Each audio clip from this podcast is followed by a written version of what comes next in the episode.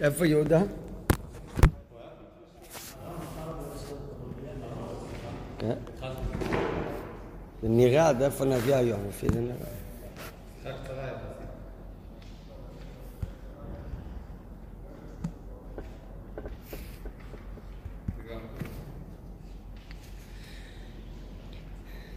אמרו רז"ל שספר בראשית נקרא בשם ספר הישר.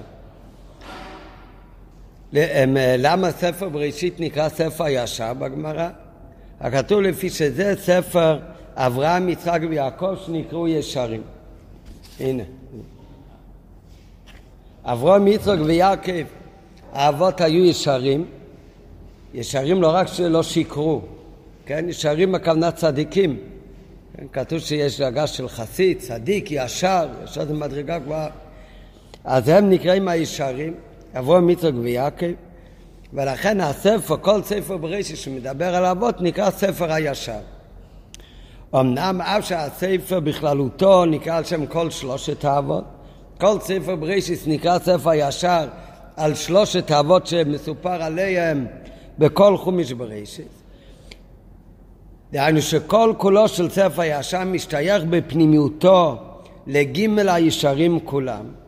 אם כל הספר נקרא ספר הישר, שמדובר בהם על שלושה ישרים על האבות, אף על פי שיש פרשיות שמדובר רק על אברום, יש פרשיות רק על יצחוק ורק על יעקב, אבל אם כל חומיש בראשית נקרא ספר ישר, סימן שכל הפרשיות מבראשית עד ויחי, כולם קשורים בפנימיות העניינים לכל האבות, לאברום, יצחוק ויעקב.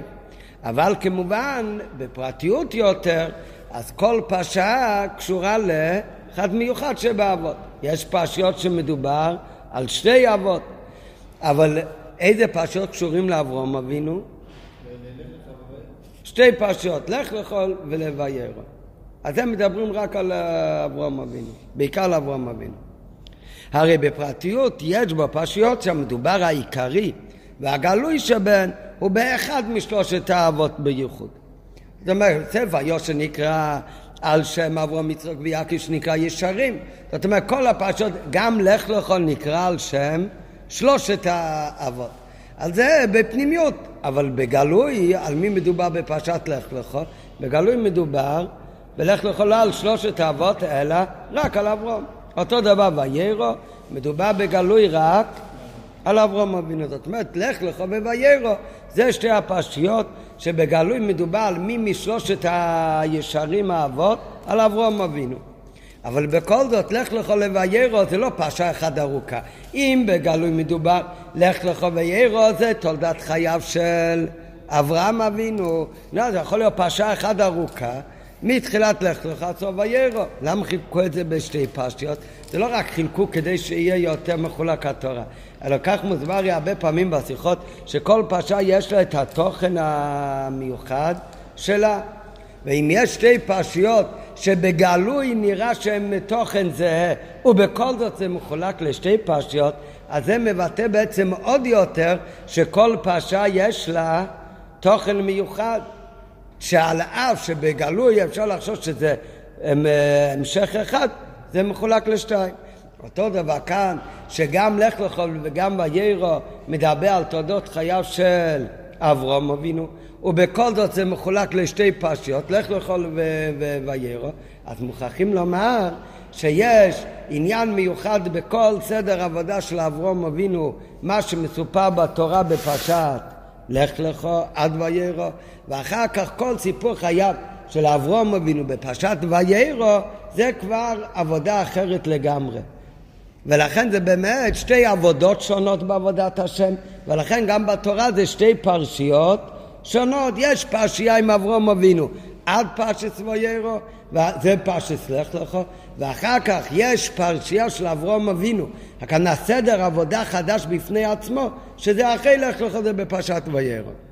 ומזה שנחלקו לשתי פרשיות, אם היות ששתיהם הם עניין אחד, אברהם אבינו הרי מוכח שבהם מתבטאות שתי פרשיות וסוגים בעניינו מעלתו של אברהם אבינו. ומכיוון שמהי מעלתו של אברהם אבינו זה שהוא עבד את הקודש ברוך זה עבודת השם מכיוון שמעלתו של אברהם אבינו היא עבודתו להוויה הרי בית הפרשיות הם שתי מדרגות בעבודתו הנעלית של אברהם אבינו. ומזה, מזה גם מובן שההפרש שבין שתי המדרגות, שתי הפרשיות של אברהם אבינו יש להבין משני השמות של הפרשיות האלו. הרבה פעמים כבר למדנו שכמו שכתוב בחסידות שהשם של כל דבר מראה על התוכן של הדבר, כך כתוב בשייכות ואמונה, אז ככה זה גם בתורה, שיש שם בפרשה בתורה, אז השם מבטא את התוכן של הפרשה. אז אם ככה, העבודה הראשונה של אברהם אבינו שמרומז בפרשת לך לכו, אז זה מתבטא ומרומז בשם של הפרשה, לך לך. לעומת זאת סדר עבודה הנעלה יותר של אברהם אבינו, שזה מה שמצופה בפרשה שלנו בפרשת ויירו, אז זה מרומז והתוכן שלו מתבטא בשם של הפרשה, מהו השם? פרשת ויירו. והרי שמה של הפרשה מרמז ומוכיח על תוכנה כמבוא כמה פעמים. והנה לפני שנתחיל להסביר את התוכן של לך לך והתוכן של פרשת ויירו ואיך זה מרומז בשם של הפרשה פרשת לך לך ובשם של הפרשה פרשת ויירו אז קודם בפשטות מה ההבדל בפרשת לך לך מה ההבדל בפשטות בין פרשת לך לך לבין פרשת ויירו מה, מה, מה היה העבודה של אברהם אבינו מה מבדיל את הזמן עד לפרשת ויירו ממה שמתחיל בפרשת ויירו? אה? למה? ניסיונות התחילו מפרשה, חלק בפרשת לך וחלק בפרשת ויירו. כן? יש אחד מהניסיונות בכלל מרומז בסוף פרשת נח, הוא כסדים. אבל מה מבדיל בין לך לך לוויירו? מה קרה בין לך לך לוויירו? ברית מילה של אברהם אבינו. זאת אומרת, פסלך לך, נדבר על עבודתו של אברהם אבינו לפני שהוא נימול, רק בסוף הפרשה של לך לך. כתוב הציווי על המילה, בפסוקים האחרונים ממש כתוב שהוא נימול, וכל פרשת ויירו מההתחלה זה על עבודתו של אברהם אבינו אחרי שהוא מל את עצמו, אחרי הברית. והנה החילוק העיקרי בתוך מעלתו של אברהם בין פרשת לך לך, פרשת ויירו ופרשת לך לך מדובר הוא. במדרגת אברהם אבינו כמו שהיה קודם מכנסו בברית המילה. ורק בסופו מסופר איך שנצטווה מת השם למול את עצמו ובני ביתו ושעשה כך בפרשת ויירו מדובר באברהם אבינו לאחרי זה, שכבר קיים מיציס מילה. פרשת ויירו זה על תולדות חיי אברהם אבינו אחרי שכבר למד את עצמו. וההפרש הזה שבין העבודה שלפני מילה לבין העבודה אחרי מילה, אז זה נרמז גם בשמותיהם, לך לך וויירו. איך זה מורמז בשמותיהם, לך לך וויירו? אז לפני שמתחיל להסביר מה ההבדל בין עבודה של אברהם אבינו לפני מצוות מילה לבין העבודה שאחרי ברית מילה, אז הוא מביא מהזוהר על תחילת הפרשה שלנו, מה זה ויירו אלום הוויה. שבפרשת לך לך, אז גם מתגלה כבר הקודש ברוך הוא לאברהם אבינו. בפרשה שלנו זה פעם ראשונה שהקודש ברוך הוא יגלה לאברהם אבינו? לא, יתגלה אליו גם בפרשת לך לך. רק מה, איך כתוב בפרשת לך לך? בברית בין הבתרים, שהקדוש ברוך הוא יתגלה ודיבר לאברהם אבינו מה כתוב שם? אז שם כתוב והיה דבר השם אל אברהם במחזה. כך כתוב בפרשת לך לך, היה מחזה. לעומת זאת בפרשה שלנו איך מתחיל? וירא אלוהיו השם. אז על זה כתוב בזוהר, שמה ההבדל? דעד שלא נימול אברום כתוב בזה שעד שאברהם אבינו לא עשה ברית מילה, זה לך, היה דאגת נבואתו בבחינת היה דבר השם אל אברהם במחזה. הדאגה של נבואה היה רק בדאגה של מחזה. נראה אחר בהמשך מהו ההבדל בין נבואה בדרך של מחזה לבין נבואה בדרך של ראייה ויירו. אבל בפרשת לך לך כתוב היה דבר השם אל במחזה, שזה היה דרגת הנבואה, נמוכה יותר, כך כתוב בזה. מה שאין כן בזמן של האחרי אימו לו, בסוף פרשת לך לך שכבר נימול אברהם, אז בתחילת וירא אחרי ברית מילה, אז זה וירא לו וירא. שהיא דאגה נעלית יותר ממחזה. והטעם על זה מבואר שם. על זה מובא בזוהר, שמלאכי השרת אינם נזקקים בלשון תרגום. כן, כתוב שהמלאכים הם מבינים לשון הקודש. לשון ארמית הם לא מבינים. אז אם הקודש ברוך הוא מתגלה לאברום אבינו ובלשון אה, הקודש, אז כאילו המלאכים יודעים מזה, מבינים. ואז המלאכים באים בטענה, מה הטענה של מלאכים? מה אתה מתגלה לאברום אבינו? מה אנוש כי תזכרנו, מה זה בן אדם בשר ואדם לא ראוי שהקדוש ברוך הוא יתגלה אליו. נו, אז לכן, מה עשה הקדוש ברוך הוא? הוא התגלה לאברום אבינו, מה כתוב בפסוק במחזה? מחזה זה לשון תרגום. זה לא, לא לשון קודש, מחזה זה חיזיון, והסחזיו, גם בת... איפה יש כאן חומש?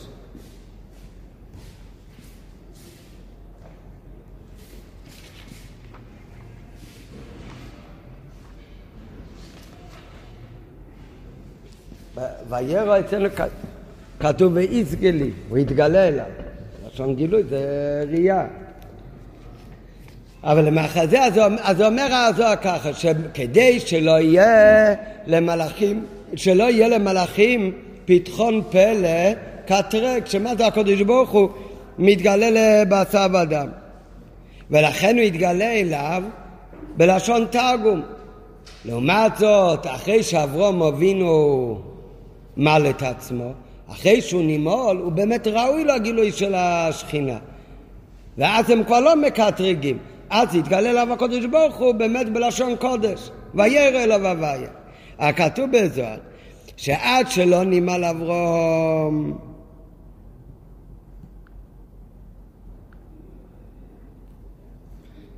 אז היה דבר אל השם אל אברום, אל אברום במחזה, מה שאין כן שאחרי מולו, כתוב וירא אל הוויה, שידאג יותר.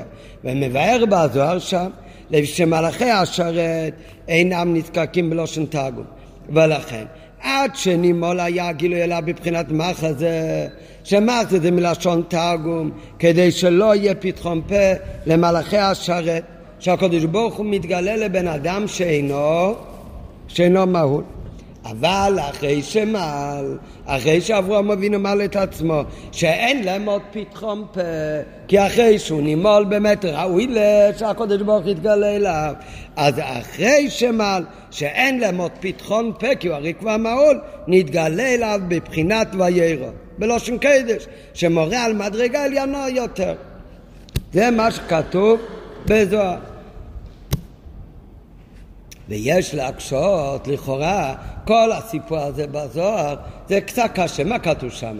שלפני שאברהם אבינו מל את עצמו, אז הקדוש ברוך הוא יתגלה אליו רק בלשון תרגום. מה זה? שהמלאכים לא יבינו. למה שלא יהיה להם פתחון פה ויגיד, ויגידו מה זה שהשם מתגלה לבן אדם שאינו מהול? אחרי שהוא מל את עצמו, אז הקדוש ברוך הוא כבר יתגלה אליו בבחינת סביירו. ואין פתחם פלה בכל מקרה מקטרק. ואז הוא יתגלה בדאגה יותר נאלי. נשאלת השאלה, זה מה שכתוב בזוהר. נשאלת השאלה, מה זאת אומרת? ממה נפשך? אברהם אבינו לפני שהוא מל את עצמו, לפני המילה, הוא היה ראוי לגילוי היותר גבוה של ויירו, שהוא היה ראוי רק לגילוי של ויהי דבר השם אל אברהם במחזה. אם הוא עוד לא היה, מה, הוא עוד לא ראוי לכך. אז מה אכפת לך, המלאכים כן מקטרגים או לא מקטרגים? הקטרוג של המלאכים, זה מה שבגלל זה הוא לא היה ראוי לגילוי יותר. ממה נפשך? אם הוא לא היה ראוי לפני המילה לגילוי הנעלה יותר, מה כתוב בזה? שבמחזה או ויירו זה שתי סוגים של גילוי הנבואה. במחזה זה דאגה יותר נמוכה, ו... ויירו זה דאגה יותר גבוהה. עכשיו, לפני שאברהם אבינו מל את עצמו, התגלה הקדוש ברוך אליו רק בבחינה היותר נמוכה. נראה בהמשך מה הכוונה, מה זה יותר נמוך ומה זה קשור בלשון תרגום, אבל זה בפשטות. הכתוב הוא יתגלה אליו רק בלשון תרגום, כדי שהמלאכים לא יקטרגו מה הקדוש ברוך הוא מתגלה למי שאינו נימול. אחרי שהוא נימול, אז כבר יכל להתגלות אליו בבחינת וירא. אומר, למה נפקא מין כאן המלאכים, מה יש להם להגיד או לא, ממה נפשך? אם אברהם אבינו הוא היה ראוי לגילוי של ויירו גם קודם המילה, אז לא הקטרוג של המלאכים אמורים להפריע, הוא לא אמור להפסיד את הגילוי שמגיע לו בגלל קטרוג של המלאכים. ואם לא מגיע לו עדיין הגילוי היה יותר נעלה, כי הוא באמת עוד לא מהול, אז הסיבה שלא יתגלה אליו לא צריכה להיות קשורה בכלל למלאכים. ויש להקשות, ממה נפשך? אם אברהם אבינו מצד עצמו היה ראוי גם קודם לכן לגילוי הנעלה, אז למה ייגרע חלקו של אברהם אבינו שמגיע לו משום חשש של קטרוג המלוכים? והרי הרבה דרכים למקום שבהם ועל ידם אפשר למנוע את פתחון הפה של המלוכים. נראה אחר כך, היה עוד זמנים שהמלאכים קטרגו והקדוש ברוך הוא השתיק אותם. גם אם היה גילוי באופן המגיע לאברהם אבינו איפן הנעלה. מצד שני, אם מצד מהותו מעלתו של אברהם אבינו באמת לא היה ראוי עדיין לגילוי נבואה באופן נעלה, כי הוא באמת עוד לא היה מהול, ואז באמת הוא לא ראוי לגילוי יותר גבוה. אז אם ככה, למה צריך את הטעם שלא יהיה פתחון פה למלאכי השרת? מה זה קשור למלאכי השרת? הרי גם בלי, בלאו לא היה ראוי אז לגילוי. ההסבר שהרבי יגיד בשיחה זה שבאמת זה תלוי אחד בשני. הקטרוג של המלאכים זה הולך ביחד עם זה שאברום אבינו עוד לא היה. מעול זה, הקטרוג של המלאכים זה היה רק אבן הבוחן, זה לא הסיבה. סיבה באמת כי אברום אבינו לא היה מעול. במה זה מתבטא שהוא לא היה מעול? בגלל שהוא לא היה מעול, לכן גם יכול להיות קטרוג של המלאכים. כל זמן שהוא לא מעול הוא דומה למלאכים, נראה כבר המשך בביו בשיחה. אבל בפשוט, כשלומדים בפשוט את ההסבר בזה, אז כתוב שאברהם אבינו לפני המילה, קדוש ברוך היה בדבר השם לה במחזה, ואחר כך רק וירא לו, אומר למה? כי מלאכים שלו יבינו בלשון תרגום, אז כדי שלא יהיה פיסחים פה למלאכים לקטרק, לכן הוא לא יתגלה קודם. אחרי שהוא מל את עצמו כבר לא יכולים לקטרק, ולכן אז הוא יתגלה וירא. לפי הפירוש הפשוט הזה קצת קשה, שממנה שלמה תולים את זה בכלל במלאכים? אם אברהם אבינו ראוי לגילוי גם קודם המילה, אז גם אם מלאכים מקטרגים זה לא סיבה שהוא אמור להפסיד את הגילוי. אם הוא לא ראוי לגילוי לפני ברית מילה, נעלה יותר. אז בלי קשר לקטרוג המלאכים הוא לא אמור לקבל את זה. ג' ויובן זה בהקדם המבואה בטרר. הרי הבאנו מקודם כבר שבזה כתוב שלפני זה היה גילוי נמוך יותר, אחר כך היה גילוי נעלה יותר. במה זה מתבטא גם? שהגילוי הראשון היה במחזה זה לשון תרגום, ווירא אלא והוויה זה בלשון הקודש. זאת אומרת, איך הכוונה זה שתי דרגות בגילוי הנבואה, דרגה נמוכה ודרגה יותר גבוהה בגילוי אלוקות. אבל במה הזוהר תולה את השתי דרגות בגילוי אלוקות? הוא תולה את זה בזה שאחד הוא בלשון תרגום ואחד הוא לשון קודש. אז סימן שאנחנו לא כל כך מבינים בדרגות בגיל אלוקוס ובנבואה, אבל הרי רוצים להגיד לנו בזה משהו. סימן שהשתי דרגות האלה זה קשור לתוכן, להבדל בין לשון תרגום לבין ההבדל של לשון הקודש. מה ההבדל בין לשון תרגום או כל הלשונות לבין לשון הקודש? אז האדמו"ר הזקן מסביר בתורה, או מסביר האדמו"ר הזקן, מה באמת הפירוש שיש הבדל בין גילוי שהוא בלשון קודש או בלשון תרגום. כאן דיבר אליו באנגלית וכאן דיבר אליו בלשון קדש. כן? אולי גם, אבל הרי זה צריך לבטא משהו, במהות משהו בתוכן. אז אומר האדמו"ר הזקן ככה, ההבדל בין לשון קודש ללשון תרגום. שלשון תרגום זה ארמית וגם שאר הלשונות, זה בדוגמת ההפרש שבין אבנים ללבנים. מה ההבדל בין אבן ללבנה? אפשר לבנות בתים מאבנים, אפשר לבנות בתים מ... מלבנים. מה ההבדל בין אבן ללבן? השם זה דברים קשים. אלא אבן זה דבר... אה? זה בידי שמיים. מה זה אבן? אתה חוצב אבנים מההר, זה אבנים. מה זה לבנים? לבנים זה מעשה ידי אדם. אתה עושה אבן, אתה עושה משהו שיהיה קשה כמו אבן. אבל הוא לא נברא ככה, אלא אתה עושה את זה. אתה לוקח חול, לא יודע בדיוק איך עושים את זה, מייצרים לבנים. זה ב... אה? מה? אה? מה זה לבנים? ציגלשטיינר. טוב, אז, זה, אז לוקחים האבנים, קוראים לזה באמת, נכון? ציגל שטיינר, שטיינר זה אבן, אבל הכוונה זה אבן שבן אדם עשה. אז האבן זה, זה איך שזה נעשה מלמעלה, על ידי הקודש ברוך הלבנים זה אנשים עושים לבנים. אותו דבר, מהי השפה שאיתה נברא העולם מלמעלה? מאת הקודש ברוך הוא מלמעלה למטה? זה לא שנה הקודש. לכן דווקא בלשון קודש אומרים שכל דבר, השם של הדבר מורה על המהות של הדבר. כן, בשאר הלשונות זה לא ככה. בשאר הלשונות, הרי הם, הם, הם התחילו עכשיו ללמוד שייכת ואמון. מי שכבר למד, אה? אה? בבוקר לומדים עכשיו שייך ואמון. איזה פרק אתם? אה? מסיימים ג' התחלתם רק שבוע שעבר. טוב, לא, כך צריך לא באמת. לכן אסור לי לא ללמד, הייתם תקועים בפרק א' ועד אה, סוף השנה. נכון. כתוב שם, שם הרי מוסבר שהתוכן של כל דבר מרומז בשם שלו. אה, כן. אז מבית רמה לכם שזה מה... כתוב במדרש הגודל חוכמתו של אדם הראשון שהביא לפניו את כל, הלי, כל הבעלי חיים ועל כל דבר הוא אמר השם שיקרא לו בלשון קודש. מה זה גודל חוכמתו של אודם הראשון?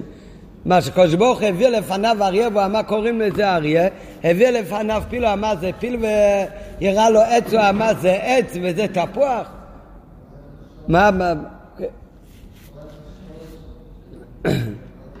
או, אלא מה, כש, כשבאנגלית, איך קוראים לדבר הזה באנגלית?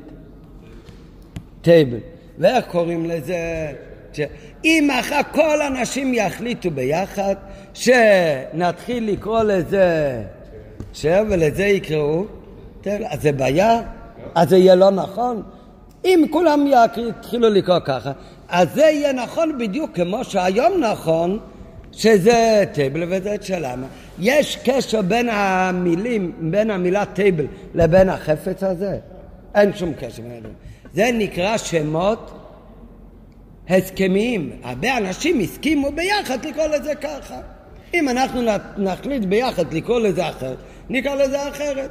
וזה כל אחד, אם תגיע למקום שאין שום בני אדם שמדברים שום שפה, אתה יכול לבד להתחיל להחליט כל דבר איך אתה קורא לזה, לזה תתחיל לקרוא אבנים, לזה תקרא שולחן, לנעליים תקרא רגל, זה לגמרי לא משנה כל אחד. אה? מה?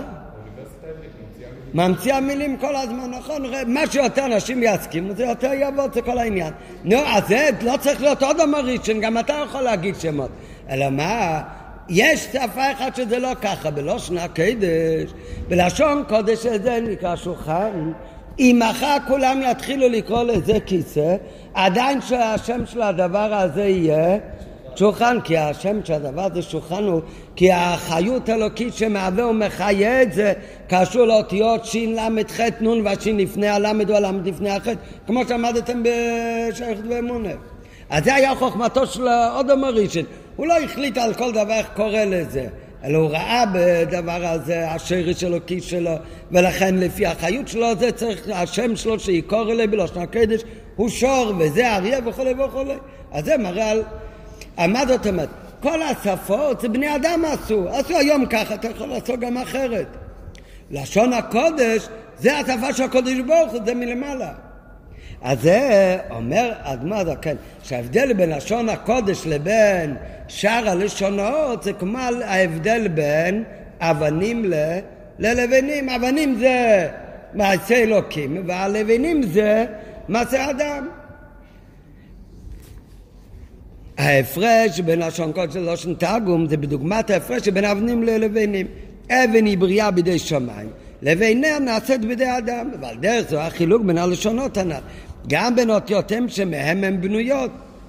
אותיות התורה נקראים אבנים, שתי אבנים בונים שהם אה, ארבע בתים, שתי אבנים בונים שתי בתים. אה? כן, כמו מהרבה אבנים בונים מהרבה בתים, כך מהרבה, מה שיותר אותיות יש אפשר לעשות יותר אותיות, זה בכל שפה ככה, אבל איפה כתוב שהאותיות נקראים בשם אבנים זה הלושן קודש, כי התורה היא מן השמיים. אבל האותיות של לשונות האומות נקראים לבנים, שהן מוסכמות על ידי בני אדם לבד. ותכלית הכוונה זה גם כן בציור של קולות. אותו דבר זה בציור של קולות. א' זה א', ואם יגידו שחץ א' זה טעות, אם ב-ABC כולם יתחילו להגיד על B-A וכולם יתחילו לקרוא את ה-AB, אז זה יהיה בסדר, רק צריך שכולם יסכימו ויעשו את אותו דבר. למה? כי זה הכל לבנים, אז מה יעשה מעשה האדם, איך שהם יסכימו ביניהם. ותכלית הכוונה במציאותן של לשונות אותיות האומות הוא אה, שגם הם, אף על פי שזה לא דבר קדושה כמו שמלמעלה זה לא אבנים, אבל התכלית של הלבנים, תכלית של שאר השפות באמת, ושאר האותיות זה שגם הם יתבררו ויתעללו לקדושה על ידי שישתמשו בהם לעבודת השם. זה, זה מביא מהתורה. כן, אז זה המעלה הגדולה שהרב דיבר, גם שהרב הקודם, שיתרגמו את דברי תורה לאנגלית. שדברי תורה זה אבנים. מתרגמים את זה לאנגלית, אז מה יוצא? שגם לבינים שזה מעשה ידי אדם, מעלים את זה לדרגה של אבנים. גם את זה מבררים ומעלים לקדושה. לא, אבל כמובן, מה יותר גבוה? אבנים או לבנים? יותר גבוה זה אבנים. כי זה מעשה אלוקים. לבנים זה מעשה ידי אדם. על פי הנ"ל, לפי זה, מה אומר הזוהר? שלפני ברית מילה של אברום אבינו איך התגלה אליו הקדוש ברוך הוא? שהיה דבר השם אל אברום במחזה. הוא אומר מה זה במחזה? זה בלשון תרגום. הכוונה זה מעשה ידי אדם. זאת אומרת הגילוי שהיה לאברום אבינו זה היה גילוי בחסידות זה נקרא שהיה גילוי אלוקות שהוא בערך לנבראים הוא דרגת גילוי אלוקות כזה שהוא בערך לנבראים. לכן זה בלשון תרגום, זה מורה מה זה שזה בלשון תרגום? שמעשה בני אדם. נכון, זה גם היה גילוי מלמעלה, אבל לפי ערך העולמות. מה זאת אומרת שאחר כך, אחרי ברית מילה, קודש ברוך הוא יתגלה לאברום אבינו באופן שוירא אליו השם בלשון הקדש, באופן של אבנים. הכוונה שעכשיו הגילוי לאברום אבינו לא היה גילוי אלוקות שבערך לעולמות, אלא עכשיו זה היה גילוי של מצא ידי שמיים שלמעלה בכלל מעולמו. ומתי זה התחיל? זה ההבדל בין עבודת השם עד לברית מילה לאחרי ברית מילה. נראה אחר מה זה גם קשור למלאכים ולקטרוג שלהם. אם, אם הכל היה גילוי שהוא באופן של לבנים. אה? ש...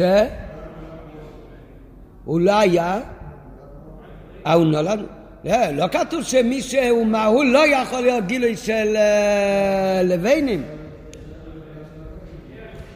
לא, לא, לא, נראה בהמשך, זה, זה תלוי במצווה של מילה, לא זה שאמר. טוב, בסדר, לא יודע באיזה שפה, זה אמרתי מקודם, מה שכתוב כאן, זה איזה שפה, על פרסידס, הכוונה איזה דרגת גילוי זה היה. ועל פי הנ"ל בזה שלמה, שההפרש בין מעלת אברהם אבינו קודם המילה, ולאחרי זה, זה בדוגמת החלוק הנ"ל שבין אבן ללבינה. מבואר בכמה מקומות. שאז שקיים אברהם אבינו כל התורה כולה שלא ניתנה. מכל מקום. הגיע אז בעבודתו במעלות הקודש רק עד שרש הנבראים. לשקול עבודתו ופעולתו בכרך עצמי. כי הרי עוד לא ניתנה תורה ועוד לא הצטווה בלי ציווי, שהציווי הוא גם ניסינס כרך, נראה עוד רגע מה הפירוש מלמעלה. ואין בכוחו של נברו להגיע למעלה ממקומו, שזה המקור שלו, זה שורש הנברואים, אבל למעלה משורש הנברואים אי אפשר להגיע. אמנם כל זה היה עד מצווה מילה. שאופן קיומו של כל התורה היה עד שלא ניתנה, עד שלא נצטווה בציווי מיוחד. מה שאין כן, כשנצטווה במצוות מילה מהקודש ברוך הוא, שבציווי זה הרי נתינה, ניתן לו גם כוח מיוחד מלמעלה להתעלות לדרגת ביטול והתאחדות עם הבורא, שהבורא הוא המצווה של המצווה באופן עלה יותר, לכן בכוחו אז גם להגיע למעלה משורש הנבראים. אז הוא יכול להגיע גם למעלה משורש הנבראים. זה עניין שכתוב הרבה פעמים בחסידות ובשיחות. זה כתוב שיש מה החידוש שהתחדש במתן תורה? הרי כתוב שגם לפני מתן תורה האבות עבדו את הקודש ברוך הוא ולמעולם לא פסקה ישיבה מאבות. מה כל כך היה החידוש הגדול של מתנתרא? אז כולם יודעים את המשל שכמו שהיה גזירה על שתי מדינות שהיה גזירה שבני רומי לא ירדו לסוריה ובני סוריה לא יעלו לרומי ואחר כך התבטלה הגזירה ואמרו שבני רומי יכולים לרדת לסוריה, בני סוריה לא יעלו לרומי. אותו דבר כתוב, הקדוש ברוך הוא ברא את העולם השמיים שמיים להשם, הארץ נתן לבני אדם, והעליונים לא ירדו לתחתינים, והתחתינים לא יעלו לעליונים. עד שהגיע מתן תורה, התבטלה הגזירה. בזמן מתן תורה אמר הקדוש ברוך הוא, מי עכשיו עליינים, הכוונה רוחניות, אלוקות יכול לרדת גם לעולם הזה הגשמי, ירדו לתחתינים. והתחתינים מלמטה יכולים לעלות ולהתחבר לאלוקות ולרוחניות, תחתינים יעלו לעליינים. אומר הקדוש ברוך הוא, אני המתחיל וירד השם אל הר סיני, ואל משה אמר, עלה אליי אל ההר, זה התחתינים יעלו לעליינים. מוסבר בחסידות, מה, זה, מה זאת אומרת שזה התחדש במתן תורה, למה זה לא יכול להיות מקודם? אז יש, יהודי עובד את הקודש ברוך הוא מצד הכוחות שלו, יש בורא ויש נברא. הבורא והנברא הם בין ארוך אחד לשני, בין ארוך. כמה שאתה תעלה ותתעלה בעבודת השם, לאיזה דרגות אתה יכול להגיע? אתה יכול להגיע בעבודת השם הכי הרבה לשורש שלך. יותר מהשורש שלך אי אפשר להגיע. כך כתוב תמיד המשל, כמו אם יורד מכאן מים והוא עולה בתעלה בהר ממול, אז כמה הוא יכול להגיע בצד השני ממול? הוא יכול להגיע לאותו גובה כמו הגובה שמאיפה יצא המים בהר מהשני, זה המקסימום שיכול לעלות. כן, הוא לא יכול לעלות יותר למעלה, זה נקרא חוק הכלים השלובים, נכון. הוא יעלה בצד השני לא יותר מאיפה שהוא מגיע. זה המקסימום, לפעמים זה פחות. איך הוא יכול להגיע יותר גבוה? אה, עם פומפה, כן, עם מכשיר מיוחד. אבל מצד עצמו לא יכול להגיע יותר גבוה. אותו דבר כתוב בחסידות, יש יהודי, יש לו שור, נשמה כבר. שורש הנשמה שלו, נגיד, לא, לא נוגע לענייננו כל כך, נגיד ששורש הנשמה שלו זה חסד שבאצילות, נגיד. אז על ידי כל עבודת השם שלו, שעובד את השם באב ובירה, עד איזה דרגה הוא יכול להגיע?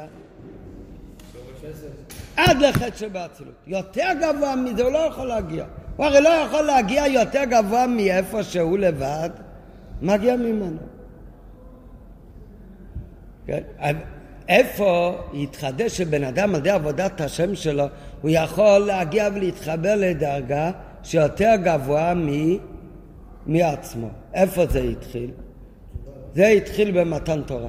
שהקדוש ברוך הוא אומר ליהודי מה לעשות, ואז היהודי עושה את זה, אז זה לא קשור אליו. למה הוא עושה את זה? לא בגלל שהוא החליט לעשות את זה, כי הקדוש ברוך הוא ציווה. אז עם מי הוא מתחבר באותו רגע? באותו רגע הוא מתחבר עם הקדוש ברוך הוא מצווה את המצווה. זה התחדש במתן תורה, שנהיה פום, פומפה, שהוא יכול להגיע יותר מהשורש שלו גם כן. למה באמת? וזה הכוונה, שהמצווה שהוא ציווי, אותו ציווי הוא גם כן נתינת כוח, בגלל הציווי זה נתינת כוח להגיע למעלה מהשורש שלך. וזה הרי כתוב שגדול המצווה ועושה יותר ממי שאינו מצווה ועושה. מה יותר נעלה? כשאתה מקיים מצוות תקיעת שופר או שאישה מקיימת מצוות תקיעת שופר? היא עושה את זה בהתנדבות, היא לא מחויבת, זה מצוות עשה שהזמן רמה. אתה מחויב, אומרת הגמרא מי יותר נעלה?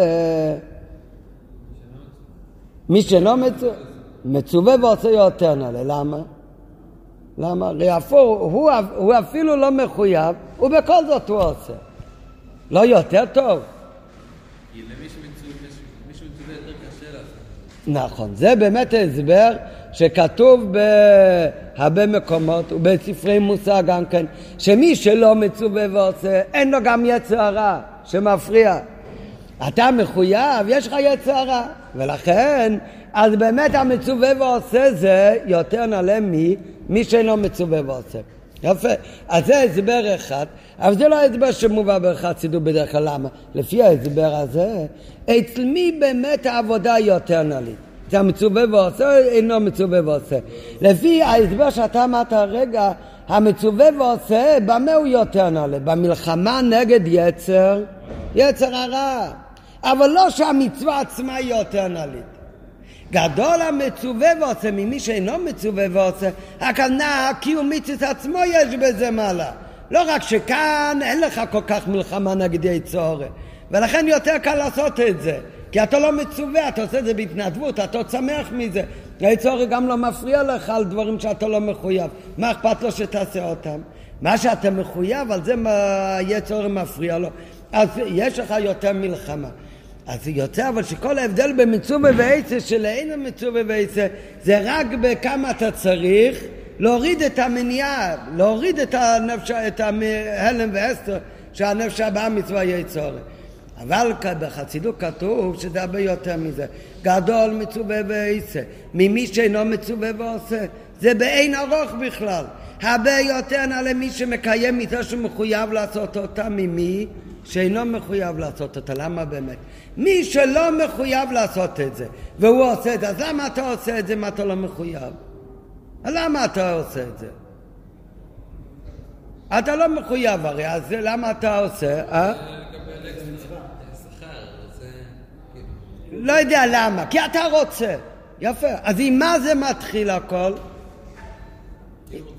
כי אתה רוצה, זה, זה קשור אליך. זאת אומרת, כל עבודת השם זה, אתה החלטת, זה קשור למציאות שלך. אם זה קשור למציאות שלך, המצוות האלה הם אבנים או לבנים? זה לבנים, זה מעשה ידי אדם. ולכן גם למעלה עד איפה זה יכול להגיע? זה יכול להגיע עד לשורש של יוסי. כי, לך, כי כל המעשה הזה מבוסס הרי על יוסי. אז לכן גם כן כל ה... לדאגה אלוקות, שאתה תגיע על ידי המצווה הזאת, זה רק לדאגה כזאת שהיא מוגבלת ושורש ליוסי, אבל לא יהיה למעלה מזה. לעומת זאת, מי שמצווה ועושה, למה הוא עושה את זה? כי אתה החלטת? אני בכלל לא רוצה, זה בכלל לא מעלה ולא מוריד. זה לא אני מחליט, זה לא אני מבין. למה אני עושה? כי כך ציווה הקדוש ברוך הוא. אז עם מי אתה מתחבר כאן עכשיו? יוסי או עם הקדוש ברוך הוא? כאן אתה מתחבר עם הקדוש ברוך הוא. שלמעלה מגדרי הנברואים. וכאן נעשה החיבור בין העליינים, בין העצמו של הקדוש ברוך הוא, לבין המטה, למעלה ממה שאתה לבד היית יכול. וזה הכוונה, ברגע שיש ציווי של הקודש ברוך לדבר הזה, אז כאן, עם מי אתה מתחבר? כאן אתה, והאמת, זה הדרך היחידה באמת להתחבר לקודש ברוך בכבוד בעצמו. כל מה שאתה מחליט לבד, נראה עוד רגע, זה יכול לחבר אותך לעצמך, לטוב שבך. כן, ואם זה יהודי קדוש שרואה גם אה, בעניינים אה, נעלים בעולמות עליונים, הוא יכול להתחבר גם לעולמות עליונים. לעצמותו של הקדוש ברוך הוא, בערב נברא והבורא זה בין ארוך אחד לשני. ולכן כמה שאתה תתעלה, אתה לא תגיע לעצמותו של הקדוש ברוך יש רק דרך אחת. הקדוש ברוך הוא אומר, תעשה ככה ואתה עושה ככה, בלי קשר מהתוכן של המעשה הזה. עצם הדבר שקיימת ציווי של הקודש ברוך הוא, באותו רגע התחברת, עם הקודש ברוך הוא. וזה הכוונה, שהמצווה הציווי זה גם הנתינת כוח. הציווי זה הפומפה שמלא אותך למעלה מהשורש של עצמך. יש הרבה אנשים שהם אומרים, אני, אני יהודי טוב, אני יהודי בלב, אני עושה מעשים טובים. איזה מעשים טובים אני עושה?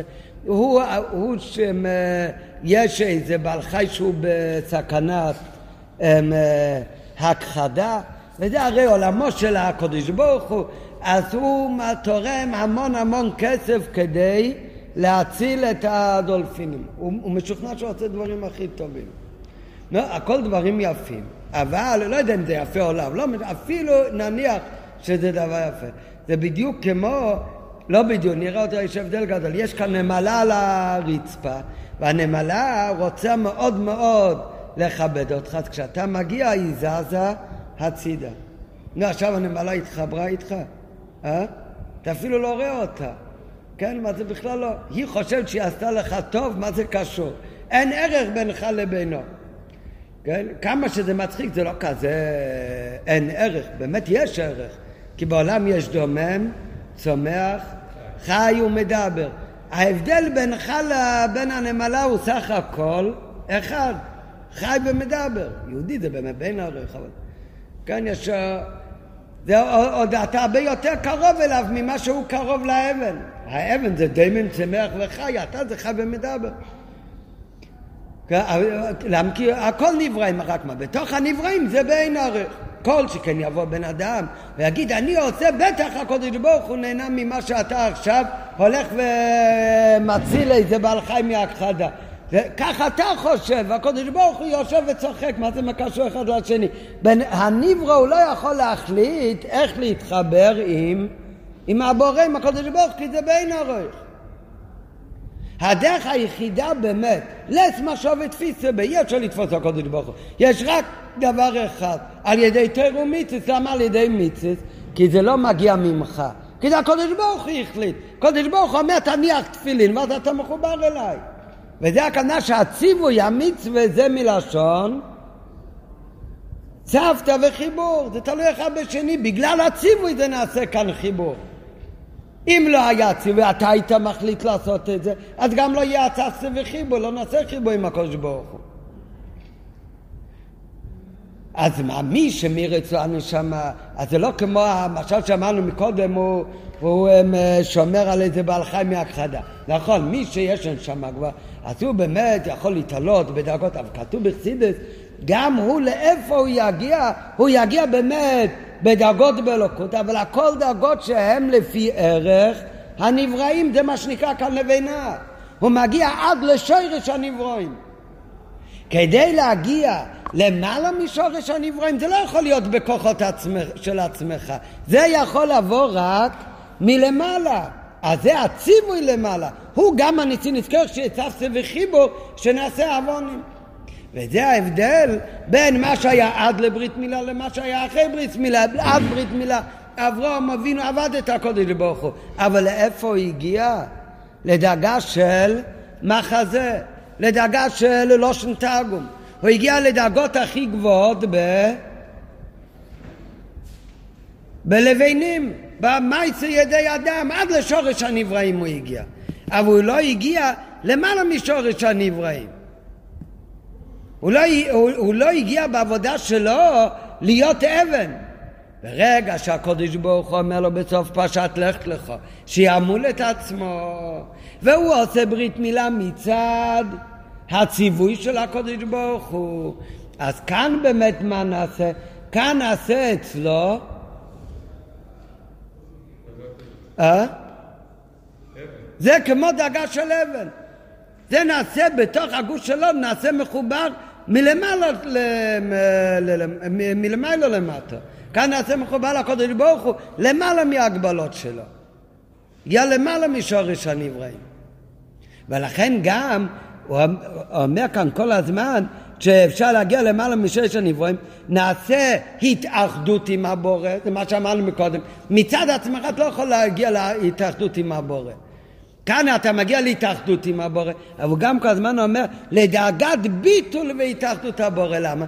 הדאגה הראשונה, משהו לא מצווה ועושה, עושה מצד עצמו, אז הוא גם מתבטל לקודש ברוך הוא. אבל הביטול עצמו על מה מבוסס? הביטול עצמו הרי מבוסס על זה שאני החלטתי להתבטל. כי הרי לא היה ציווי מלמעלה. אין המצווה בית, אני החלטתי לעשות. ולכן זה לא ביטול אמיתי והתאחדות עם הקודש ברוך הוא. דווקא על ידי שנעשה, דווקא על ידי שזה נעשה כתוצאה מהציווי מלמעלה. אם זה נעשה כתוצאה מהציווי למעלה, אז כאן באמת הביטול הוא הרבה יותר עמוק. זה, הביטול, הוא לא, הביטול הוא לא מבוסס על ההחלטה שלו. הביטול מגיע גם שמלמעלה מבטלים אותו, כי הקודש ברוך הוא ציווה. טוב, זה דבר שמובא הרבה פעם, פעם בחסידות, לכן טיפה הארכנו בזה. יסרו מיזו, אז זה מעלה ראשונה ב, ב, הם, אה, במצוות מילה. זה מעלה ראשונה. המעלה הראשונה זה שעד שלא היה מצווה מילה, לא היה ציוויים מלמעלה, אז הוא הגיע רק עד לשרש הניוון. דווקא אחר כך אז התחיל שהגילוי הוא גילוי הרבה יותר נעלה. הוא לא לפי שש הנברואים, אלא זה כמו אבן, זה מעשה אה, אלוקות.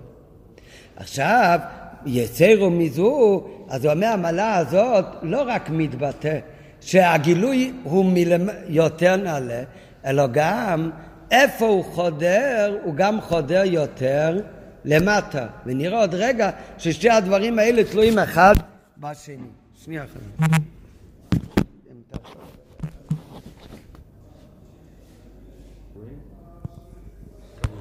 יצרו מזו, יתרה מזו. עד הוא מהמעלה שמגיעים לשורש יותר נעלה. יצרו מזו, לא זו בלבד שעל ידי מיציס מילה. נתעלה בעבודתו לדרגה שינלית. באין ארוך לגבי מדרגתו הקודמת. זה לא סתם מעלה שעכשיו זה יותר נעלה. זה באין ערך בכלל. כל המעלות הקודמות שהיו בעבודת השם, זה הכל היה מעלות שקשורים עדיין לדרגות ולמציאות של נבראים.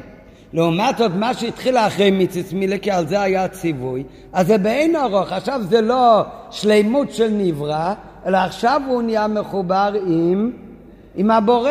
זה באין ארוך. אלא עוד זאת, אז זה שני... הוספה במעלה הזאת, שעל ידי מצווה זו נתבטלה מציאותו לגמרי ונתאחד עם הבורא התאחדות גמורה כזו שאין כמוה ודוגמתה במצווה אחרת. זאת אומרת, במצווה גופה, בכל מצווה הרי יש את העניין הזה שעל ידי המצווה הוא לא מתחבר רק לשורש הנברואים אלא לברך. מצד הציווי הזה גם נתינה כוח. החיבור עכשיו לא נהיה קשור אליך, אלא מצד הקודש ברוך הוא. אז זה בכל המצוות. אבל יש מעלה שיש רק בברית מילה. שבברית מילה, המעלה הזאת, וההתאחדות הזה עם הבורא, זה נשאר וניכר בגלוי איפה? בנברא ממש. זה יש רק בברית מילה. למה? כי זה ברית היא בבשרכם, כי הלא זוהי תכונתה המיוחדת של מיצס מילה, שהיה הברית היא בבשרכם. שכל המעלה הזאת שדיברנו מקודם, זה ניכר בבשר הגשמי של הניברו. היינו שגם בבשר הגשמי נרגש ביטולו להשם והתאחדותו בו, מה שלא מצינו במצווה אחרת. התוכן של העניין הזה שבכל המצוות. יהודי מניח תפילין גם בגשמיאס, אז הנוכס תפילין בגשמיות זה מה שמחבר אותו ומבטל אותו לעצמותו של הקודש ברוך הוא שלמעלה מגד הנבראים. זה בכל מצווה ככה. רק מה, ב- ב- ביד אתה רואה את זה בגלוי? היד נראה עכשיו אותו יד כמו שהייתה מקודם. אחרי שמורידים תפילה, עכשיו היד רואה אותו דבר. איפה אתה רואה בגלוי שתמיד נשאר הדבר הזה, המצווה הזאת שהוא התחבר עם הקודש ברוך הוא שלמעלה מנבראים. איפה זה ניכר גם בנברו גוף וזה רק במצווה של ברית מילה.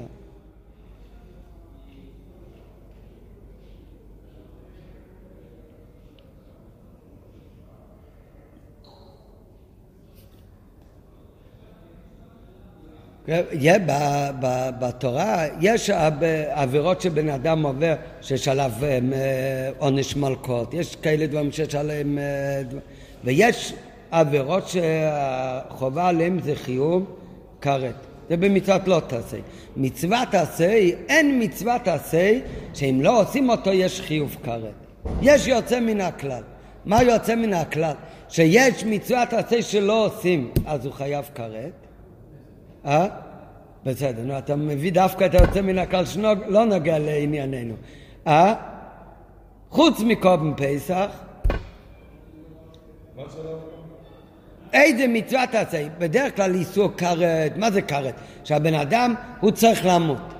בדרך כלל מתי יש איסור כוס? רק הלא תעשה, הוא עשה עבירה גרועה. חילשה בשריות, כאלה דברים. הוא לא עשה מצווה שהוא צריך למות, הוא הרי לא עשה כלום. הוא לא עשה מה שהוא היה אמור לעשות. לכן אין חיוב קורץ במצוות עשה. חוץ מ... כמו שיהודה אומר, כן, פסח, אבל חוץ מפ... בזמן הזה, אה, איך, מה יש? אה? ברית מילה. מי שלא מל את עצמו חייב כרת. לא, אין לו תעשה בברית מילה. מה? לא להיות ערל? אז לא, לא כתוב בתורה.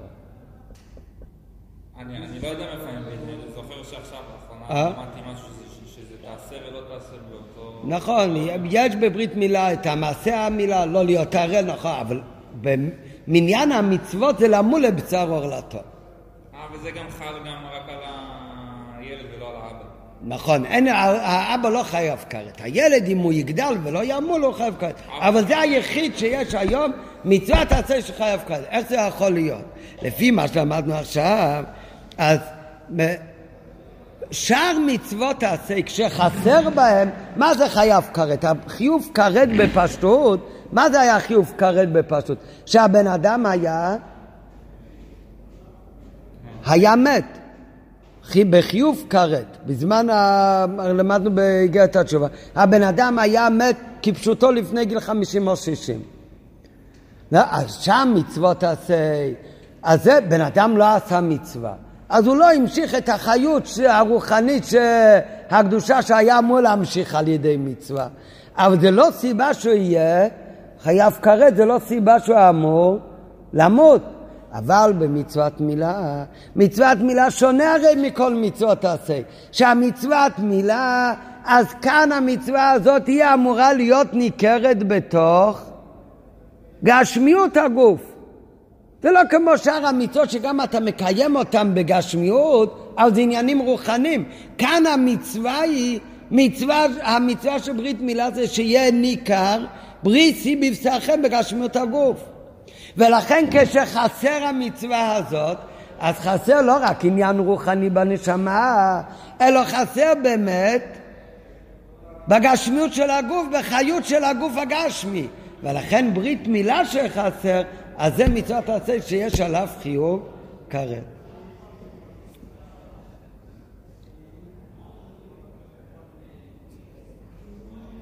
טוב, אז זה כתוב בהערה. אבל נמצא, נמשיך בשיחה, שדאגת עבודתו של אברהם. קודם שקיים מיציס מילה, שאז הוא הגיע רק עד שורש הנבראים, הייתה בדוגמת עניין לבינה. כל עבודת השם של אברהם אבינו עד שהוא מל את עצמו היה בדוגמת עניין לבינה, שזה מעשה די אדם. בכל גודל מלאת עבודתו אף שעשה חיל ונתעלה בביטולו להשם למעלה מעלה, אבל גם הביטול היה לבינה. הכל היה קשור למציאות שלו.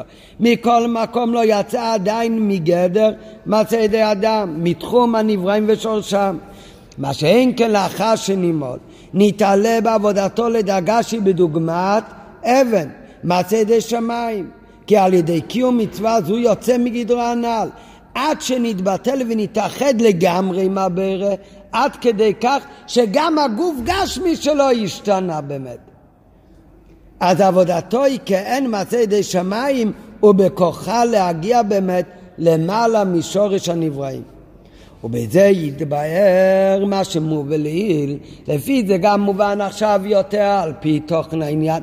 מה זה שכתוב בזוהר שלפני ברית מילה איך הקודש ברוך הוא יתגלה לאברום אבינו, היה דבר השם אל אברום במחזה שזה לשון תרגום. למה באמת? כי זה הגילוי שהיה באמת מתאים לעבודה של אברהם אבינו עד אז. עד אז מה היה אברהם אבינו קשור למציאות שלו לנברואים, לגד הנברואים? אז גם שהקדוש ברוך יתגלה לאברהם אבינו, הוא גם יתגלה בלושן תרגום, מה הכוונה? שגם הגילוי אלוקות היה מכזאת דרגה, כזה דרגה בגיל אלוקות, שזה שורש הנבראים ששייך לנבראים. לפי זה מובן מה שקודם שנימו להם מדרגתו של אברהם אבינו רק במחזה שהוא בלשון תרגום, שזה בדוגמה ללווינו, זה קשור, זה היה גם בהתאם אה, לעבודה של אברהם אבינו, שבידי האדם. אבל על ידי מצוות מילה היא הגיעה לבחינת ויירו, שהוא בלשון קודש, שזה בדוגמת האבן שהיה בידי, בידי שמיים.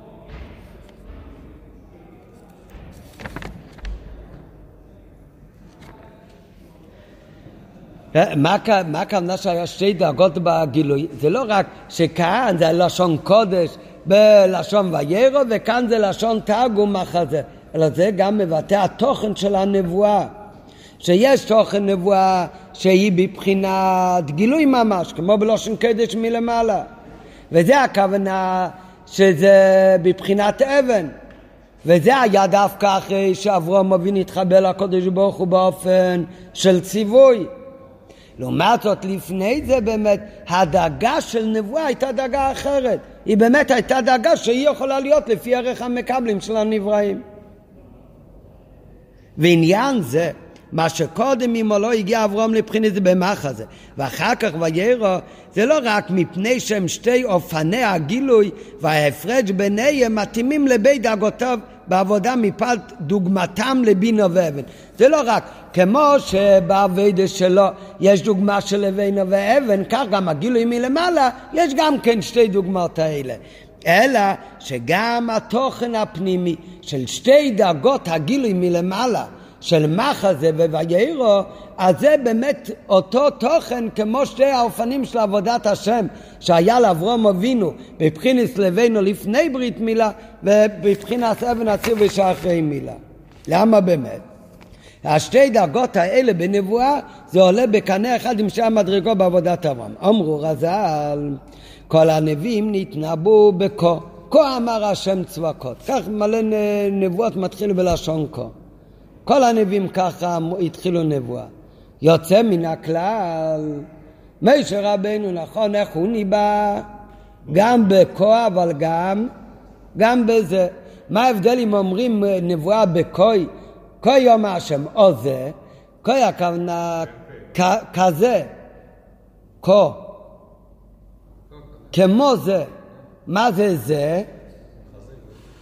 אה? זה כתוב, מראה באצבעו ואומר זה, זה הגמרא.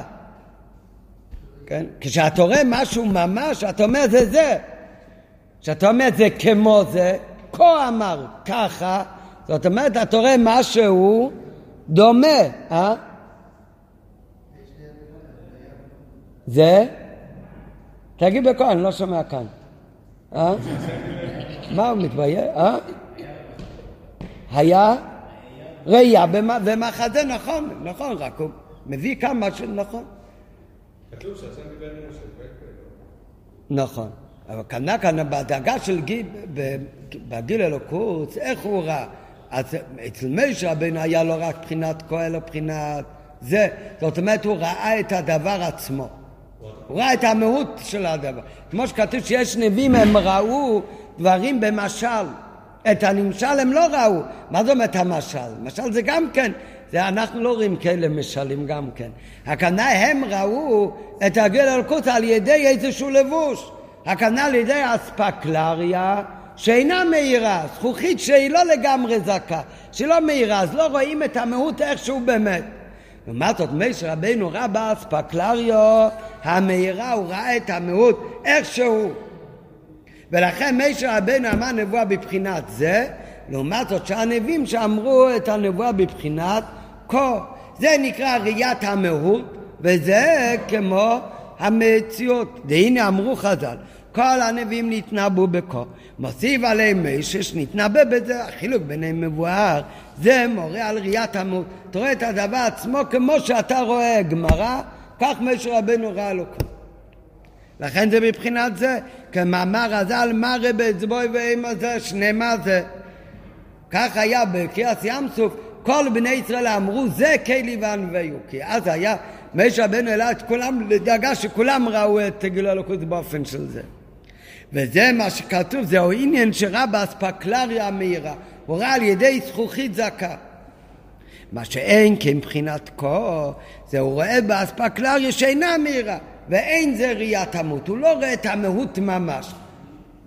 הוא רואה רק משהו משתקף ממנו, אז לא, לא את המות המקורית ממש. ועל דרך זה יובן ההפרש בין גילוי הבא במחזה ובין הגילוי דוויירו. וזה, על דרך זה, זה החילוק במה שאנחנו אומרים, שיש גילוי של ויירו, בלשון קודש למחזה בתרגום. כמו בפשטות, מה זה מחזה בלשון תרגום? המילה עצמו, איך שהיא כבר התלבשה בלשון תרגום. בלבוש, זה לא הדבר המקורי. אז וירא עניינו ראייה, היינו באופן שהוא רואה את הוויה נראה לו, וריאס המאוס, מה שאין כן במחזה, אף שגם חיזיון עניינו ראייה, אבל אין זה ראיית המהות, כי אם מה הוא רואה? הוא רואה את תרגומו. הוא רואה את תרגום, הוא רואה את הדבר איך שהוא כבר התלבש במשהו אחר. כמו שהאלוקות נראה על ידי התלבשותו בלבוש שמיילים על מהותו. כנ"ל שמח זה, זה בלשון תרגום, היינו שלשון הקודש, זה האלוקות, האבן, תורגמה, כבר מובנת על ידי שנתלבשה בלשון, בלשונות אחרות. אז אין כאן כבר דבר המקורי ממש. לכן, קודם שנימול, אז אברום אבינו, הוא היה בדאגה שאיזה גילוי יכול להיות. כשלא הגיע אברום אבינו עדיין לברית עולם בפסחם עם אלוקות. במילא הוא לא יכל בכלל להיות בדאגה של ראיית המהות בכלל של אלוקות. במילא לא זכה גם כן לראיית המהות והעצם דלוקות. כי הוא הרי נשאר בגדר ניברו, זה בין ערך. הוא לא יכול בכלל להיות לא ראיית אלוקות. נכון, זה עוד עניין, נכון? לא כתוב כאן, לכן באמת... והיינו שראה רק בחינת מחזה, מה שאין כלאחרי זה, שאברום אבינו בעצמו נתבטל ממציאותו לגמרי ונתאחד בייחוד שלם, נתעלה אז למדרגה נעלית שההוויה נראה אלוהו בבחינת ויירו ראיית העצם דאלוקות. אחרי כל הביור הזה, מה נשאר לנו עוד להסביר? הרי אחד מהשאלות שלנו בתחילת השיחה, מה כל העניין, איך שהקדוש ברוך הוא מתגלה לאברהם אבינו, מה זה משנה? עם המלאכים. כן, עכשיו הוא כבר הסביר גם למה זה באמת במחסה וירא ולמה זה קשור לעבודה של לבינו ולעבודה של אבן, עבודת השם שלו. שלא רק שתי דברים מקבילים, אלא ממש אותו עניין. כל זמן שאברהם אבינו נשאר מציאות נפרדת.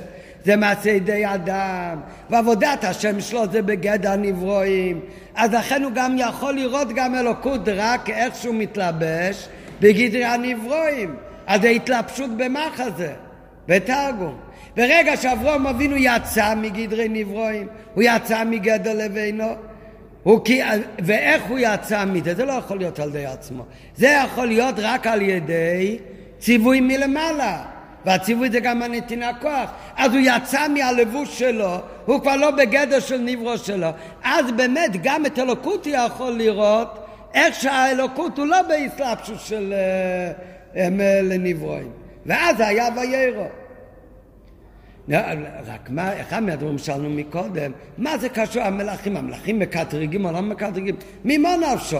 אם הוא היה ראוי מקודם לגילוי הזה, אז גם אם המלאכים מקטרגים לא צריך להתייחס אליהם. יש דרכים איך להשתיק אותם. ואם הוא לא ראוי לדאגה של ויירו לפני שהוא נימול, אז למה אומר הזוהר שהוא לא יתגלה לפני זה בוויירו בגלל הקיטרוג של המלאכים? אז הרב עכשיו מסביר, לפי כל הביר שלמדנו עד עכשיו, הקטרוג של המלאכים זה לא עניין צדדי, זה אותו תוכן. זה עוד... לכתחילה בשביל שהקדוש ברוך הוא יגיד לו בכלל את ה... אה? לא, זוהר אומר שלפני שהוא מל את עצמו, קדוש ברוך הוא יתגלה אליו רק במחזה, בלשון תרגום, שזה לשון שמלאכים לא מבינים, שהם לא יקטרגו על הגילוי. רק אחרי שהוא מל את עצמו, אז וירא אליו השם, כי כבר אין מקום לקטרוג. מה זאת אומרת? אם אברהם אבינו ראוי לגילוי, שיתגלה, מה, למי אכפת מה שהמלאכים מקטרגים? ואם הוא לא ראוי לגילוי, אז לא אמורים לעצור את הגילוי בגלל המלאכים, אלא לפי מה שלמדנו עכשיו, קטרוג המלאכים וזה שהוא היה ראוי או לא ראוי, זה היינו הך, זה אותו דבר. למה באמת? אז זה הרב הולך עכשיו להסביר. זה הולכים עכשיו ללמוד באות הבאה, שזה באמת, באות הולך להסביר קטרוג המלאכים, וזה שעד ברית מילה אברום אבינו הוא מצד עצמו ראוי רק לגילוי של מחזה לבינה ולא לגילוי של ויירו, של אספקלריה אמירו זה תלוי אחד בשני, זה לא איזה עניין צדדי מלאכים קטרגו או לא. למה באמת? כי עד לברית מילה, מה למדנו עד עכשיו? עד לברית מילה. אברהם אבינו, כל עבודת השם שלו היה רק בדאגה שהגיע עד לשורש הנבראים, קשור למציאות שלו. מה התחדש אחרי ברית מילה? שאברהם אבינו יכול להגיע ולהתחבר עם עצמותו של הקודש ברוך עם אלוקות שלמעלה משורש הנבראים. זה ההבדל בין זה ההבדל בין נשמות ישראל לבין מלאכים. מלאך, ולכן עד לציווי מלמעלה, שלא יתגלה המעלה הזאת, שהוא מתחבר עם הקודש ברוך של למעלה מגדרי הנברואים. עד אז לא היה מעלה, לכאורה, של אברום אבינו יותר ממלאכים. כן? גם מלאכים הם נבראים שעובדים את השם.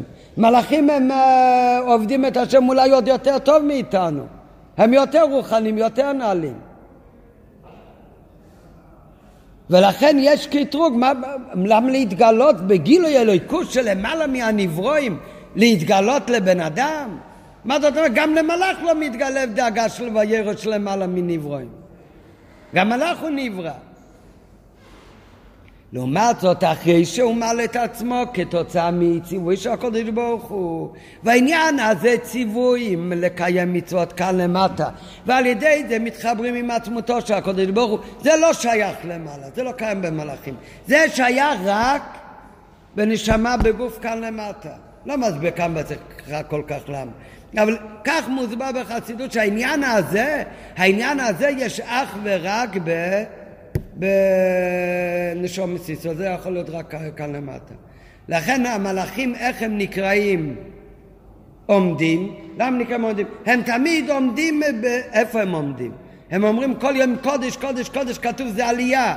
הם עולים, אבל הם תמיד עומדים במדרגת נברואים. הם אף פעם לא מתח... הופכים להיות מאוחדים עם, עם בוירה. לעומת זאת, נשמות ישראל נקראים מהלכים.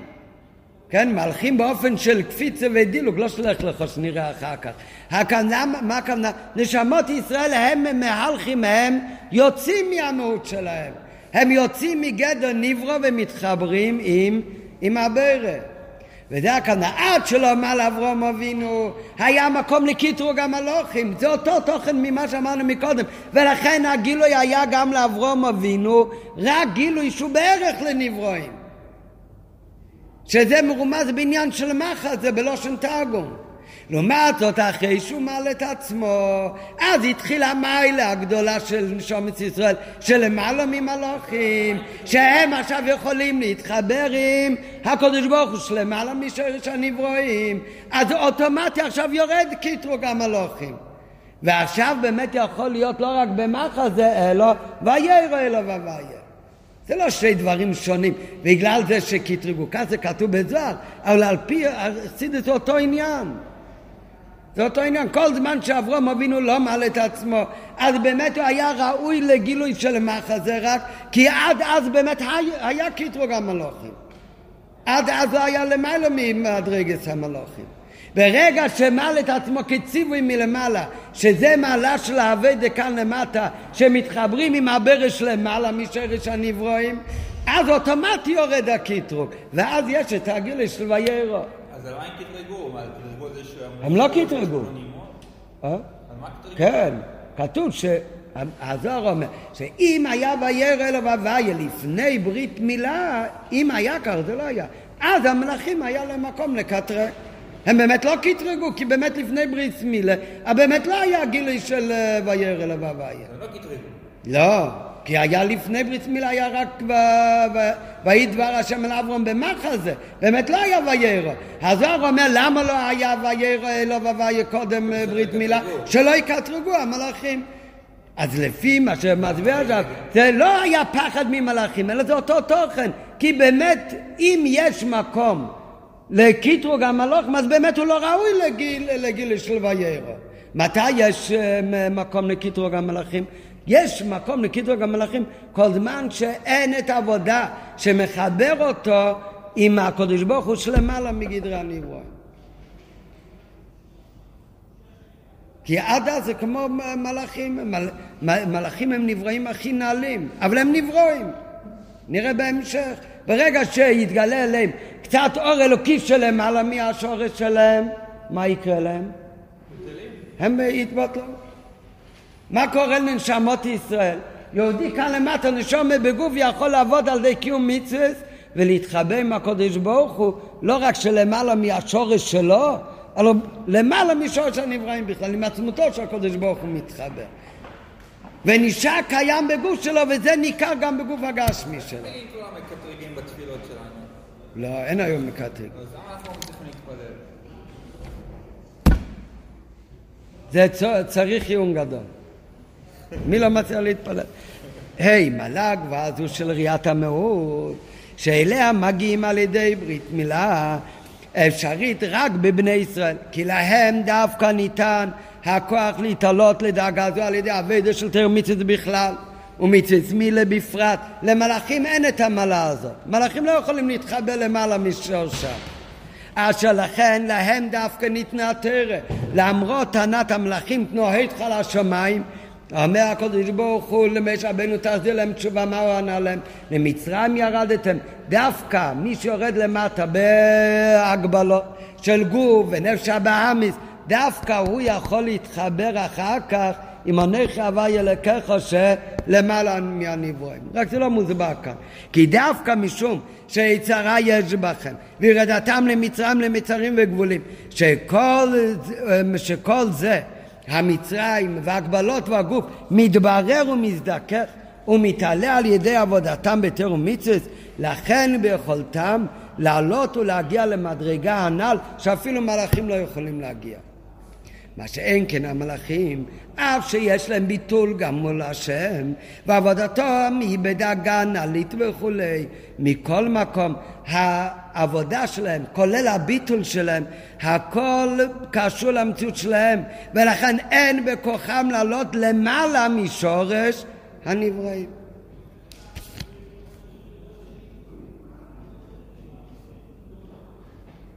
מי יכול להגיע למעלה משורש הנבראים? זה רק נשמות ישראל מכאן למטה.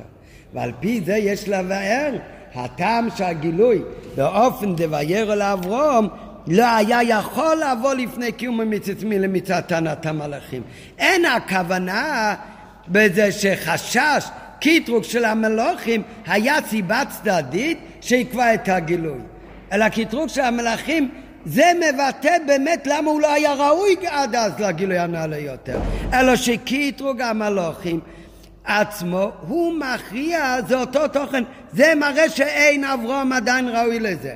מאחר שקודם עמו לא, על אף כל עבודתו ועילוייו בקדש והתבטלותו לליקות, הוא עדיין לא יצא מגדר נברו, כי הרי עוד לא היה ציווי מלמעלה, אז לא היה ניסי נזכרך מלמעלה. אם כן, דאגתו היא בדוגמת דאגת המלאכים, שאינו יכול להגיע למעלה משרש הנברואים.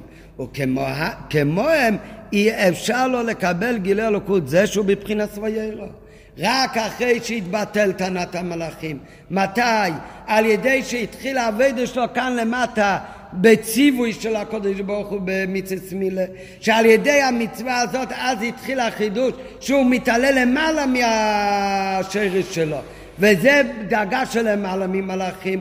באותו רגע אין את הקטרוג ובאותו רגע הוא באמת ראוי לקבל גילוי שלמעלה מגדרי הנברואים. איך נקרא הגילוי הזה?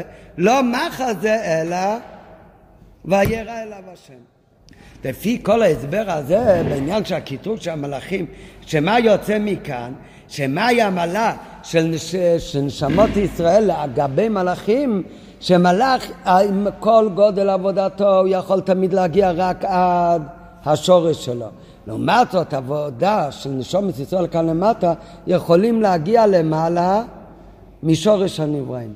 לפי זה, אז הרב מסביר בהערה, הגמרא אומרת ככה, שכשהקודש ברוך הוא ברא את העולם, קודש ברוך הוא כביכול שאל את המלאכים אם לברוא בן אדם. לא, כדי להתייעץ עם מלאכים צריך קודם לברוא את המלאכים. זאת אומרת הגמרא, בסנהדרין הקודש ברוך הוא ברא כת אחד של מלאכים ואמר להם נעשה האדם בצלמנו כדמותנו עם סימן שאלה. מה הם אמרו? מה הם אמרו, כן? אמרו מה אנוש כי תזכרנו. אמרו מה המצב. כן? אני כאן את הגמרא, אבל הגמרא, הם אמרו מה המצב. אומר להם הקדוש ברוך הוא ככה וככה. הכוונה, מעשיו של בן אדם יכולים להיות המפרשים אומרים יכולים להיות טוב ויכולים גם להיות לא טוב. זה מתאים גם מהזה, יכול להיות. אז אמרו המלאכים, מה אנוש כי מה, מה, לא צריך. מה עשה הקודש ברוך הוא? הושיט אצבעו הקטנה מביניהם ו... ושרפם. הקדוש ברוך כביכול הושיט אצבע קטנה שלו וצרף אותם. התבטלו. ברא כת שני של מלאכים ואמר להם נעשה האדם בצלמנו כדמותנו אמרו מה מעשיהם של בני אדם? אמר הקדוש ברוך הוא כך וכך אמרו מה נשקיץ יזכרנו הושיט הקדוש ברוך הוא אצבע קטנו ושרף אותם עד שהיה איזה כמה מלאכים ש... שהסכימו וברא את האדם. נו, עד ככה אומרת הגמרא. לכאורה מלאכים אומרים, תנא צודק, אומר, מה אין איש קיציס קרנים, יכולים לעשות גם דברים לא טובים. בשביל מה צריך לברוא כאלה דברים נחותים ונמוכים. הקדוש ברוך הוא, איזה מין תשובה זה שהושיט אצבעו קטנה ביניהם ו... ושרף אותם. זה תשובה על השאלה שלהם. ואחרי שזה קרה פעמיים, השלישים אולי הסכימו. לפי מה שלמדנו כאן, זה היה באמת התשובה. הושיט אצבעו קטנה ביניהם וצרפם. זה התשובה לטענה של המלאכים, עד שהגיעו מלאכים ואמרו אם ככה באמת צריך לברוא בן אדם. מה הכוונה? הקדוש ברוך הוא, מה זה אצבע קטנה? כן, מה זה, הקדוש ברוך יש לו זרת? מה זה אצבע קטן של הקדוש ברוך הוא? חוכמת, בינה, דעת, חסד, גבורה, מלכוס. מלכוס, הזרת הקטנה, אצבע קטנה, הכוונה, מה, איפה, כך כתוב הרי בסדר שלשלוס, איפה יש, באיזה ספירה זה האור הכי מצומצם? המלכוס, מלכוס זה שורש הנבראים. כשהמלאכים אמרו מה אנוש קיציס קראנו, מה זה הבן אדם?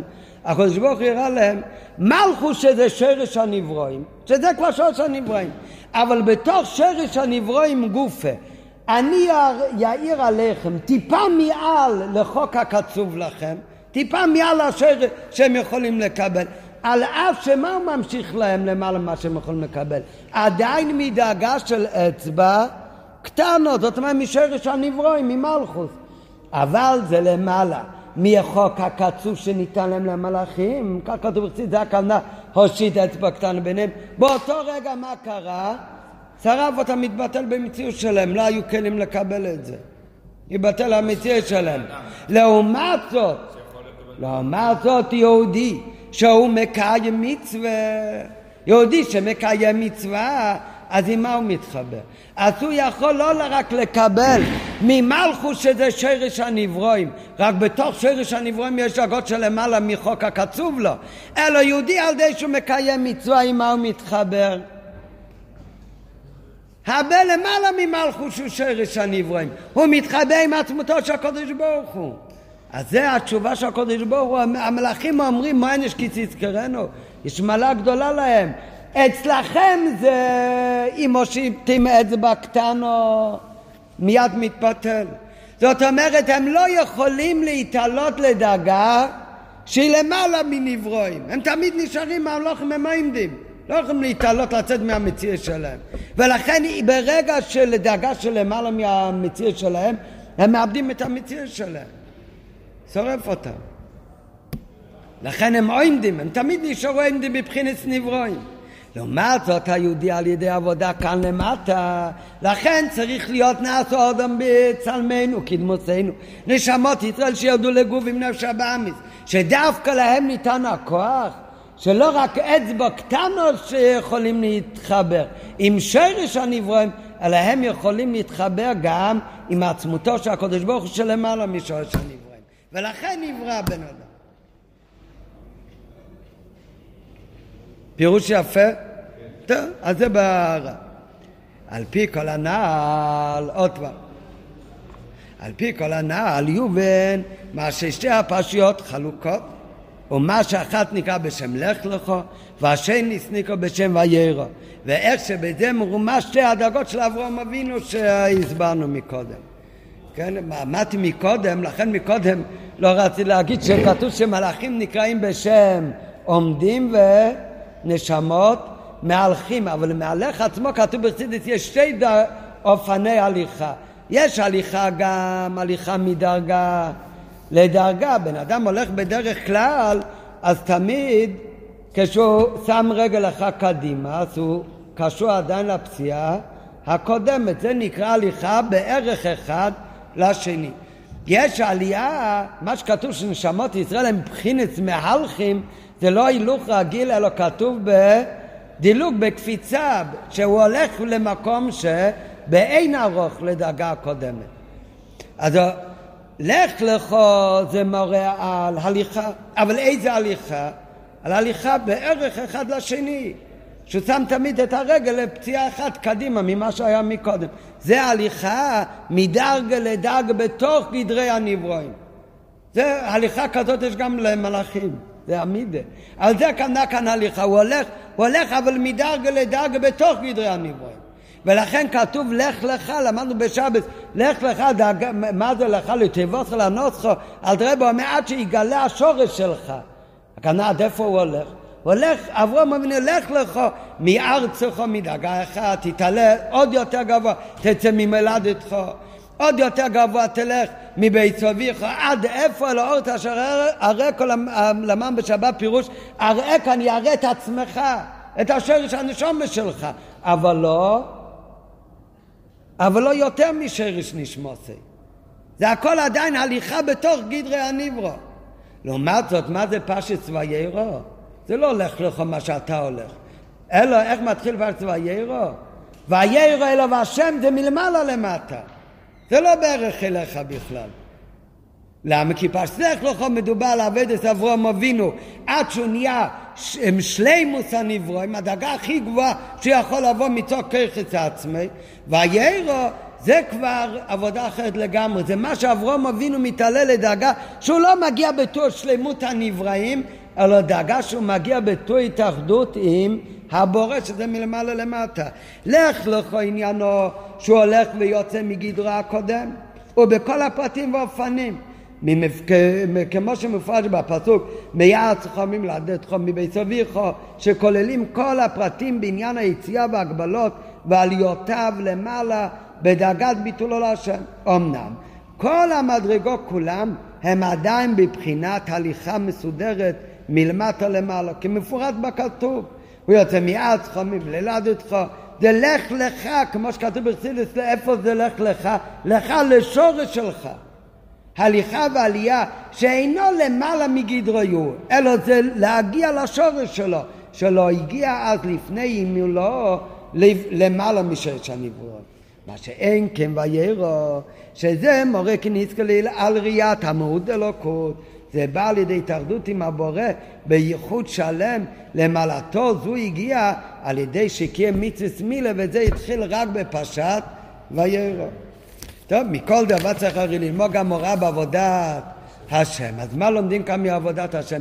שכמה שיהודי מתעלה בעבודת השם צריך לדעת, אף פעם זה לא מספיק. כמה שיש לך כבר לך לך.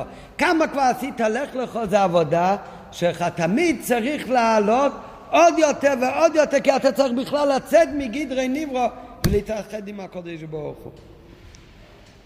כן, אבל זה הוראה כפולה, נראה בפנים, מעשה אבות סימן לבנים, הרי מובן שישנה הוראה בכל הנ"ל לכל אחד ואחד, ובפרט שעמדו בו אדס עניין מילה, שהעניין שברית מילה שעל זה כותב הרמב"ם, שכל אחד ואחד נימול כמו שנימול אברהם, כמו אברום, שבכל הליכותיו וליותיו עדיין לא הגיע לשלימוס אביידה, אלא היה צריך להיות דווקא מצווה של מילה, ואז ניתן לו מלמעלה גילי באופן דביירו, על דרך זה... כן, מה כמובן? למה הוא לא הסתפק באמת? כי כל כמה שהוא עלה בעבודת השם, תמיד זה עדיין היה קשור למציאות שלו. ולכן באמת הוא לא יסתפק, כי זה לא, עוד לא תכלס. צריך כל כך להתעלות עד שיבוא גם גילי מלמעלה ויירו. כל זמן, כל העליות שלו זה עדיין קשור למציאות שלו. ולכן אסור לו אף פעם לעצור. אתה עוצר, סימן שאתה עדיין עובד את השם לפי ההגבלות שלך זה בגדרי הניברו. אז כמו שאברום אבינו, אז הוא כל הזמן המשיך בעבודתו. עד שניתן לו מלמעלה גילוי באופן של ויירו, על דרך זה צריך כל אחד ואחד לדעת, שאין להסתפק בעבודתו, גם אם היא באופן היותר נעלה, כי אם צריך לעלות תמיד מעלה מעלה עד שיגיע לביטל אמיתי ושלם.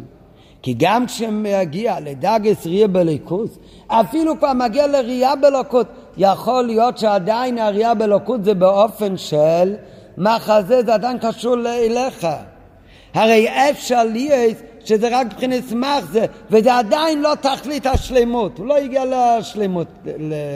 ולכן צריך להוסיף תמיד בעבודתו. זה גם, הרי הם כולם יודעים את הסיפור שהרב הרש"ב, שבשבת זה יהיה יום ההולדת שלו בכ' חשוון, אז שהיה לו יום הולדת, כשהיה עוד ילד קטן ממש, נכנס לסבא שלו לצמח צדק ובכה. שואל אותו הצמח צדק, למה אתה בוכה? הוא אומר, למה הקודש ברוך הוא מתגלה לאברהם, אבי לא מתגלה אליי. מה עונה לו הצמח צדק? שיהודי צדיק מחליט למול את עצמו, אז הוא ראוי שקודש ברוך הוא יתגלה אליו. מאוד סיפור יפה. ולמה לא אם יהודי בגיל אה, שמונים מחליט לעשות דבר אחר, הרי אברהם אבינו כל הזמן עובד את השם, אז גם אז הוא ראוי שהקדוש ברוך הוא יקלל עליו. אלא, מה התכוון להגיד לו? שיהודי צדיק, כמו אברהם אבינו, הוא בגיל 99 מחליט שהוא צריך למול את עצמו, מה הכוונה?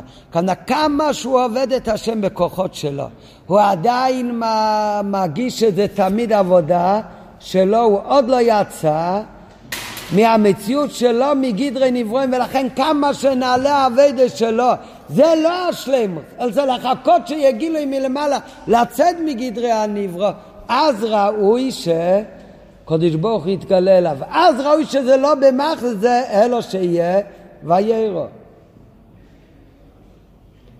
אז זה הוראה הראשונה, שיהודי צריך תמיד לדעת שכמה שהוא עובד את השם, אם זה הוא עובד, זה עדיין לא מספיק, תמיד צריך להתעלות למעלה. אבל מצד שני, זהו הוראה ראשונה.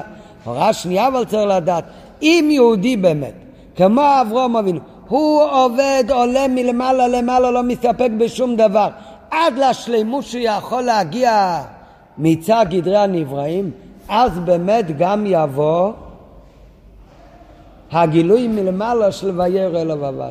אותו דבר יהודי שהוא לא מסתפק בעבודה שלו, אלא כל הזמן הוא ממשיך לעבוד את הקודש ברוך הוא עוד ועוד ועוד יוצא מהמציאות שלו, אז בסוף הוא באמת גם יגיע לדרגה של וירא אלו והוויה למעלה מגדרי הנברוא.